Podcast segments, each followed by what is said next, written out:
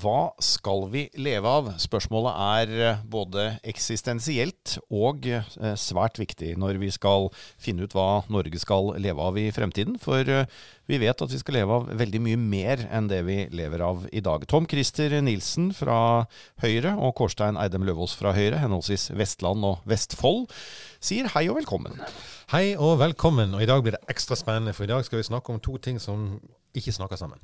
Som ikke snakker sammen? Ja, som ikke snakker sammen i det hele tatt. Ja, ok. Eh, er, det, er vi helt på Er det liksom eh, katedral og børs? Er vi Ja, det er nesten det. Altså Hvis du skal ha noe økonomisk aktivitet som snakker så lite sammen som eh, bønder og aksjemeglere, så, så tenker jeg altså Noen aksjemeglere blir bønder, men og noen bønder har noen aksjer. Men de snakker ikke så mye sammen. Jeg skjønner. La oss begynne med Jeg skulle begynne med aksjer, da, kanskje. Ja, har du noen? Eh, jeg har eh, Det var et veldig personlig spørsmål, Tom Christer. Ja. jeg, dette er en dårlig historie. Jeg kjøpte noen aksjer for mange mange år siden fordi en bekjent av meg jobbet i et foretak som jeg trodde veldig på. De er så langt redusert i verdi med 98% Ja. ja og det er vel mitt ja, ett av to aksjeeventyr. Det andre var Og nå kommer du til å le, for dette henger faktisk da sammen. Landbruk og aksjer. Jeg kjøpte aksjer i strutseoppdrett en gang i tiden. Ja. sånn, merkelig nok er jeg mindre overrasket enn du skulle tro. Men ja. ja. Stakk de hodet i sanden? Uh, ja, nei, poenget Stakk var du hodet i sanden? Jeg, eh, Blir du egget av noe? Å, dette kan eh, en fjær osv. Nei, eh, det som skjedde var jo, for de som ikke husker historien, var jo at man plutselig over natten åpnet for strutseimport fra afrikanske land som eh, uhjelp. Å ja, jeg husker dette, for jeg var med å gi støtte til det. Ja. og hvilket da resulterte i at de norske strutsefarmene eh, ved et trylleslag forsvant og gikk konkurs. Alt var tapt. Ja. ja. Så, så, ja, jeg har, har hatt aksjer i strutseoppsett. Jeg har noen få aksjer i et et bioteknologifirma som går sånn passe dårlig. Eh, så det er mitt eventyr. Så hvis du spør meg om vi kan leve av aksjer, så er svaret definitivt nei. Eh, Kårstein kan ikke leve av aksjer. Nei. Han ble utsatt for noe skummelt som heter eh, eh, hva heter det for noe? Det heter globalisering? Er det det det heter? Ja, det må ja, være det. Ja, sånt, og, mm. og, fjerning av importrestriksjoner. Ja. Frihandel, som du ellers elsker. ja, ja, da, men jeg tar det med et smil. Det er mange år siden. Det var jo faktisk det, den gangen jeg var ganske ung og oppdaget jo til min overraskelse at man kunne jo skrive av deler av dette tapet på selvangivelsen. Ja.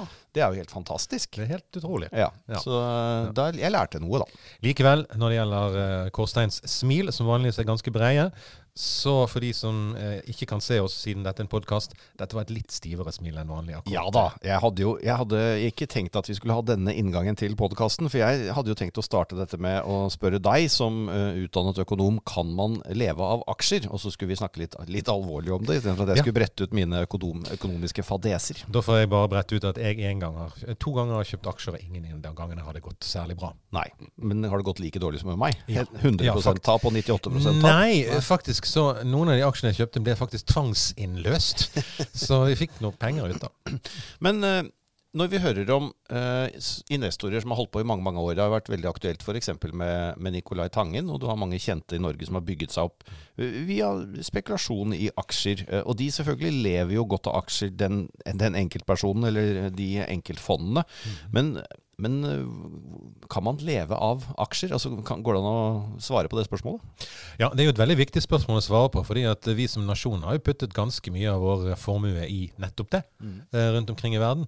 Og, og, og, ja, eh, du kan i noen grad gjøre det. Men det fordrer jo da, som du sier, at det selskapet du satser penger på, faktisk lykkes.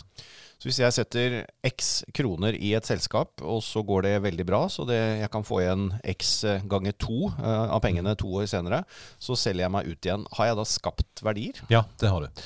Uh, og Dette er jo den diskusjonen som du ofte får i, i, mange sammenhenger. Ja, men det skaper ingen verdier, det er bare papirverdier. Nei, men det, det er tøys. Dette er kjempeviktige penger. For det du gjør, og som du har bevist da, tydelig med dine egne eh, transaksjoner, er at du tar en risiko mm. som ingen andre nødvendigvis vil ta. Du tar en risiko, du satser på denne bedriften, du satser på at denne bedriften skal gå bra, så du setter penger i den bedriften. De pengene bruker bedriften til å investere, til å uh, rett og slett uh, starte den produksjonen som, som de skal gjøre. Og hvis de lykkes, så får du være med på gevinsten. Og hvis de mislykkes, vel, så har du tapt pengene. Mm. I Norge er det relativt lav andel eh, privatpersoner som putter pengene sine i aksjer, f.eks. sammenlignet med nabolandet vårt eh, Sverige. Ja.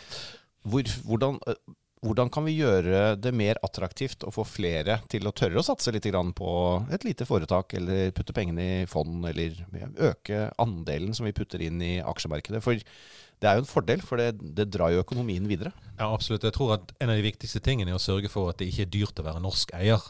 Uh, og det er det i dag i forhold til andre. Altså Hvis du er en utenlandsk eier av norske selskaper, så koster det deg mindre pga. hvordan uh, formuesskatt og uh, Der sånt er kom formuesskattordet, ja. Der kom formuesskatten. fordi formuesskatt er egentlig en avgift på bedriftsinvesteringer. Mm. Når du må betale, for, må betale, avgift av det du eier, så betyr det at du har litt mindre å investere i, i bedriften. Og det, det, er absolutt en side. Så skal jeg si at Våre naboland har noen litt spesielle konstruksjoner som gjør at det ser litt mer annerledes ut enn det. Og En av de er f.eks. lønnstagerfondene i Sverige. Uh, og, og, en del sånn tvungen, uh, tvungen sparing via det, via på pensjon. Uh, og det er også kanskje en tanke å, å, se på fremover her også. Andre land har, litt, har folk litt mer styring over hvordan egen pensjon investeres. Og for å være helt tydelig, vi er fortsatt for at formuesskatten skal bort. Det er et litt uheldig navn, eh, men man må heller skatte på det man skaper, enn at man må f.eks. låne eller ta penger ut av en bedrift som går dårlig for å betale formuesskatt. Eller med kjetting, som vi så for noen år siden. Ja, tjener du penger så, og tar du ut penger, så må du betale, og det må du. Eh, men eh, jeg har litt problemer med å skjønne at det skal være et problem at en bedrift går bra. Mm. Fra det ene til det andre. Eh, eller vil du snakke mer om aksjer? Det er jo et av favorittemaene dine. Ja, altså kan, altså, det er jo et favorittema fordi jeg ikke har noen. Nei, altså vi, vi, Det er en veldig viktig del av økonomien å kunne ha den muligheten. Jeg tror veldig mange undervurderer det. Mm. Og så uh, ser de litt for mye på at uh, noen tjener penger på et, uh, på et aksjeoppgang eller en, en den slags. Og så glemmer de at det er ganske mange som har tapt på en aksjenedgang eller på masse prosjekter som ikke har gått, uh, gått bra. Og at vi som samfunn er kjempeavhengig av at noen tar de risikoene. For det er det som sørger for at bedriftene får penger til å investere for. Og Som privatperson så er vel det generelle rådet å kanskje ikke sitte og plukke enkeltaksjer, sånn som jeg da har gitt et par uh, dårlige eksempler på, uh, men heller gå inn i det, det forskjellige typer fond. Ja, altså Hvis du skal ha, hvis du skal ha Økonområdet, mm. så var det altså noen som har utviklet sånne teorier for aksjemarkedet og sånt. Eh, og hvis du skal få et generelt råd til en som ikke vil bruke veldig mye tid på dette, ikke gå inn i enkeltaksjer. Bruk indeksfond. Det er nesten ingenting som slår det. Eh, indeksfond er altså et fond som er investert omtrent akkurat sånn som børsen ser ut, mm. og dermed så beveger seg akkurat sånn som, som børsen totalt sett mm. gjør, det er over tid sannsynligvis det tryggeste og sikreste, og som gir en grei avkastning. Men hvorfor går børsene opp nå, når uh, egentlig alle piler peker feil vei? Ja, um, det, er, det, det, var et veldig bra spørsmål. Det var et veldig godt spørsmål. Ikke sånn vi sier når vi ikke vet. Nei, jo, altså, nei det er faktisk et godt spørsmål. Fordi dette aksjekurset dreier seg ikke om egentlig her og nå like mye som kanskje om fem år. Mm. Um, også her og nå, selvfølgelig, i noen grad. Hvis en bedrift får problemer med å betale her og nå, så er jo aksjen også verdiløs. Men uh, Så det jeg tror vi ser akkurat nå, det er at folk tror at vi kommer ut av koronakrisen. Mm. Tror at verden kommer ut av koronakrisen. Og tror at vi kommer ut på en god måte, og tror at den eh, dumpen som vi er nede i nå, om et par år så kommer vi til å være oppe av den, og da uh, kommer det til å gå bedre. Og da kommer selskapene til å tjene mer penger. Da kommer aksjen til å være mer verd, så hvorfor ikke investere når eh, ting er på bånn, og ta ut gevinsten når det er på topp? Fremtidstro, rett og slett. Jeg tror det er fremtidstro vi ser. Det er godt. Eh, noe helt annet. Vi spør ofte hva kan vi leve av. Kan vi leve av landbruk, Tom Christer? Favorittemaet ditt. Favorittema. Mm. Eh, vet du hva? Ja, selvfølgelig kan vi det. Det er jo dette vi spiser. Altså, vi, vi, spiser jo kjøtt og grønnsaker og korn og alt det der. Ja, um, ja det, så, så vi, vi, kan i hvert fall leve av produktene fra landbruket. Vi kan ikke leve uten landbruk. Nei, vi kan ikke leve uten landbruk. Det er helt sant. Fordi nettopp som du sier, det er veldig til å ta og, og smake på, produktene som kommer. Men i Norge så koster landbruket ganske mye penger, i den forstand at det er ulike typer overføringer og subsidier. Og det er mange milliarder som puttes av dine og mine skattepenger inn i landbruket. Men dette er ikke noe særnorsk fenomen. Å nei, det er ikke noe særnorsk fenomen. Dette er en epidemi. Den, og den startet, en pandemi? Den, start, den pandemi. Og den, den er, det, det, det, er enda verre, for det, det er også en, en, akronomi. Altså det er en, uh, det er en, uh, en uh, Du mente agronomi? Nei, nei akronomi. Nei? Okay. Det, er en, det, er altså en epidemi som strekker seg over eh, historisk eh, perspektiv i tusener av år og over, eh, over alle landegrenser. Så det er en pandemi til alle tider. Og vet du hvor det startet? Nei, Nei, altså, Jeg har lyst til å si allerede de gamle grekere, men det er feil. Ja. Det var romerne. ja, vi, vi, Romerne startet De hadde altfor mye folk i Roma. Um, så de startet med å dele ut um, gratis korn til de fattige i Roma. Eller de startet med å selge det billig, men det var subsidie. Og så uh, begynte de å dele det ut gratis. Så romerne, de begynte. I De denne brød- og sirkus-tankegangen. Ja, så Brød og sirkus var faktisk litt seinere, for det utviklet seg dette her. Først startet det med bare korn, Ja. og du måtte betale litt for det. Så ble det gratis. Så etter hvert som de enkelte keiserne ville bli mer populære, så la de litt på, så det ble litt kjøtt, litt svin, litt, litt eh, olivenolje, og til slutt ble det både svin og vin. Og det, i det hele tatt, det var godt å være fattig i Roma. Men Ja, problemet det, var at det var for lite korn, ja, det er ikke så mye korn i Roma. så de invaderte Egypt. Aha. Ja. Så hele Kleopatra, Kleopatra, hele Kleopatra, Cæsar, Marcus Antonius, alt dette som er laget tusenvis av bøker og filmer om, er landbrukspolitikk. Ser man det? Det dreide seg om landbrukspolitikk. Det dreide seg om å skaffe gratis korn til innbyggerne i Roma. Og så har det ballet på seg. Så har det ballet på seg og blitt såpass komplisert i veldig mange land at det er veldig få som egentlig eh, helt har oversikten. Du har nok en skal vi si at dette er et særinteressefelt eh, for deg. Eh, For i tillegg til subsidier og kompliserte konstruksjoner, så er det jo også tollmurer mellom veldig mange land på Ja. veldig mange produkter. Ja. Egentlig kan du oppsummere landbrukspolitikk, norsk, norsk landbrukspolitikk på følgende måte. Det er ingen som forstår den. Det var to stykker som forsto den. Det var, det var departementsråden i Landbruksdepartementet, Per Grue, og Vår Herre. Hvor Per Grue er ikke mer. Nei. Og Vår Herre har Kanskje funnet andre interessefelt. funnet. Men jeg har en hobby her, og da skal vi kort eh, oppsummere på i tre punkt hva som er norsk landbrukspolitikk. Og før du gjør det, så skal jeg bare si hva, hva slags utslag kan dette få. Kan ta et rykende ferskt eh, utslag fra EFTA-forhandlingene. Det forhandles nå altså mellom EFTA-landene og Canada om en frihandelsavtale. Den ser ut til å strande. Fordi Canada ønsker ikke å ta imot mer ost fra Sveits. Sveitsisk ost. Det er helt riktig. Mindre fondy. Mindre fondue. Så Ja. dette får helt konkrete utslag i rett og slett i frihandelsavtaler mellom land som, som havarerer som, med utgangspunkt i en enkelt ost, f.eks. Ok, kjære Justin Trudeau. Smelt en ost. Det går greit. Dere kommer til å overleve. Men altså, norsk landbrukspolitikk oppsummert i tre korte. Vi har eh, subsidier. Eh, vi har reguleringer på eh, marked og produksjon. Og vi har eh, importforbud, eller importvern, som det også heter. Ja, det er ikke forbud. Det er jo lov å ta inn varer. Det bare koster veldig, veldig veldig mye. Nei, det er faktisk et generelt forbud. Men eh, Ops. Nei, nei, nei. nei det, er, det er riktig, det. Vi, vi har i praksis en, en ordning som innebærer at du har forbud mot enkelte varer i enkelte deler av året, Mm. og eh, så har du høye tollsatser på, på andre varer. Og vi er til forveksling dønn lik resten av verden. Mm. For eh, ser, du på, eh, ser du på resten av verden, så er det altså milliarder av milliarder av milliarder av dollar eh, som går til å subsidiere eller å verne egen produksjon rundt omkring i verden. Og Hvis man startet med dette allerede i romertiden, så har det jo hatt god tid til å utvikle seg med hjelp av eh, ulike byråkrater og forhandlingsinstitutt opp igjennom eh, årene, vil Ja. jeg tro. Mm. Og den norske modellen, som vi i denne sangen snakker om, den er et ganske godt eksempel på akkurat det. For det startet med en krangel, som sa alltid før. Det startet med en krangel mellom bønder, egentlig. Mellom de bøndene som eh, på slutten av 1800-tallet 1800-tallet, mellom de bøndene, bøndene som produserte kjøtt og melk, og de bøndene som produserte korn. La oss kalle de østlendinger og vestlendinger. Nei, ikke, ikke la oss gjøre det. jo, gjerne det. Ja, gjerne det. Nei, eh, og da var det sånn at de som produserte kjøtt, de ville ha billig kraftfôr. Eh, Så de ville ha fri import av korn. Og de som produserte korn, de ville ikke at uh, kraftfòrprisen skulle være lav. Så de ville at uh, du skulle stoppe importen. Og sånn gikk det slag i slag. Litt mer restriksjoner under andre, første verdenskrig.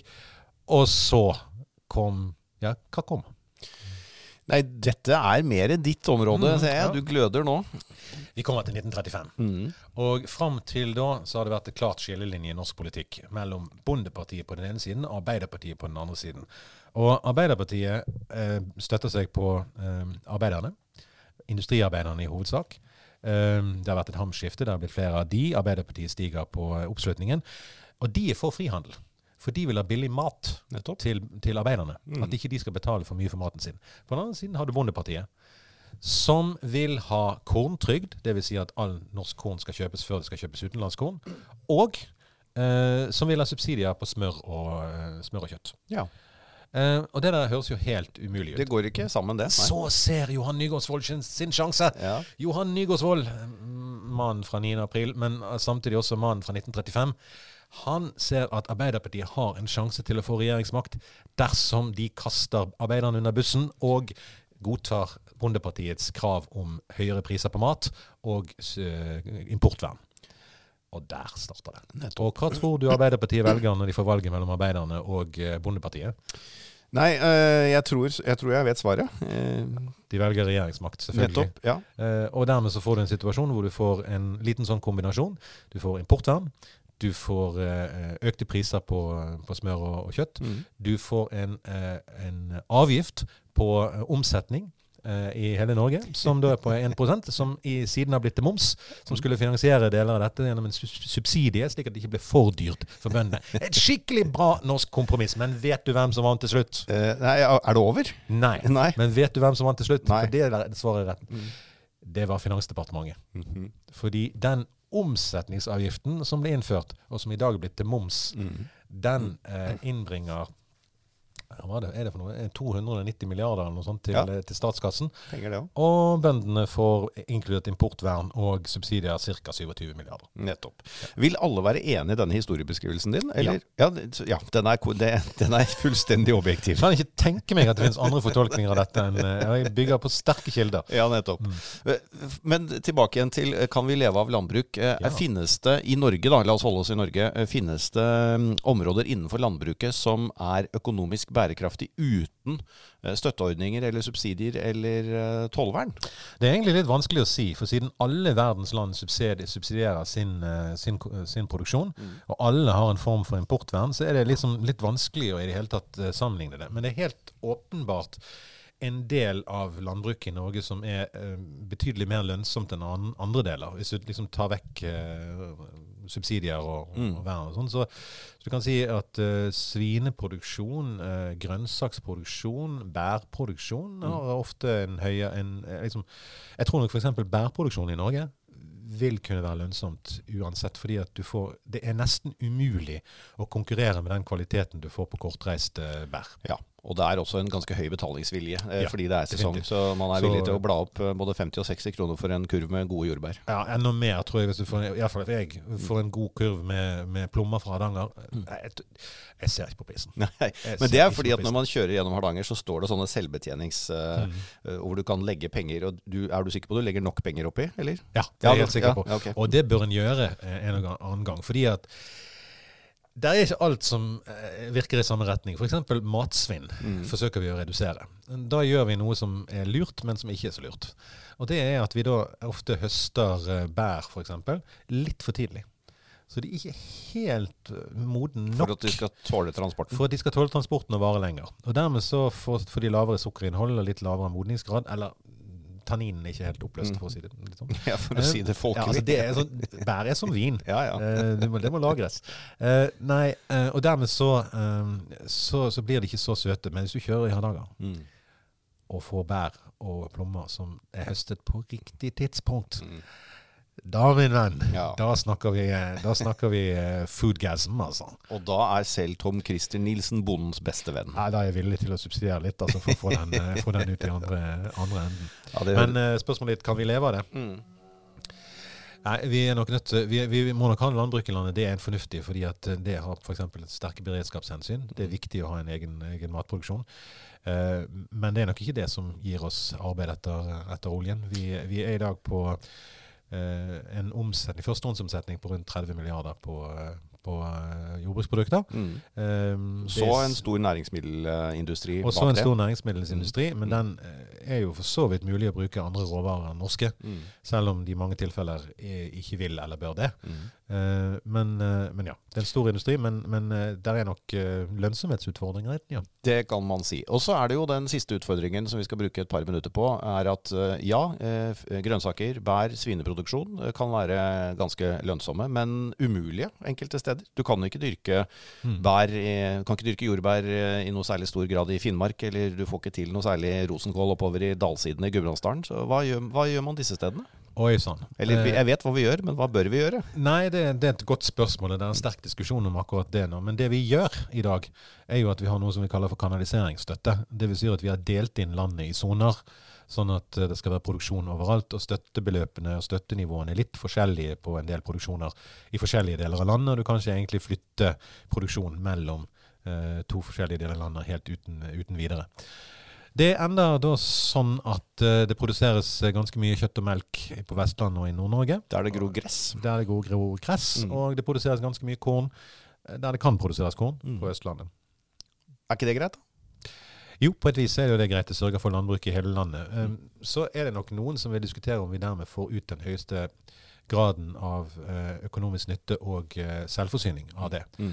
Og det, det, finnes studier som peker på at noe mer eh, belgfruktproduksjon, altså bønner og erter og sånn, og poteter mm. kunne ha ført til en høyere selvforsyningsgrad totalt sett. For det er klart at uh, vi bruker veldig mye av kornarealet vårt til dyrefôr. Ja, og Etter å ha vokst opp uh, selv da, i uh, hjertet av Potet-Norge, mm. i sør i Hedmark, så er det i hvert fall mye, veldig mye gode norske poteter. Skjønt jeg tror ikke jeg klarer å å komme i, helt til samme himmelske nivå som da du beskrev plommene i Hardanger? Jo, jo, jo. Altså, har du ikke vært der ute, Kårstein? Mm. Har du ikke vært på potetslang? Jo, jeg har vært på potetslang. Ja, ja, men, men, altså, helt sånn Saftig, nye, ja. ferske poteter, mm. det kan du spise rett fra jorden. Altså Bare skyll litt, og så gnask i vei. Det er nydelig.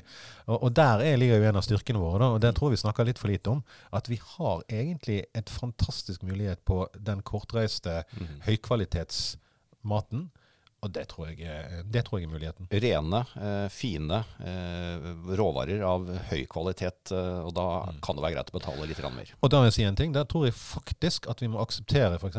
på moreller og plommer litt høyere matsvinn mm. for å få fram hva den virkelige kvaliteten med, med norsk, norsk, norsk bær- og fruktproduksjon er. Og Avslutningsvis vil jeg si at denne praten tok en annen retning enn jeg trodde. Jeg eh, så frem til en eh, litt sånn Tom Christer-rant mot norsk landbruk, men her eh, i dag har du jammen i meg nesten fremsnakket det, vil jeg si.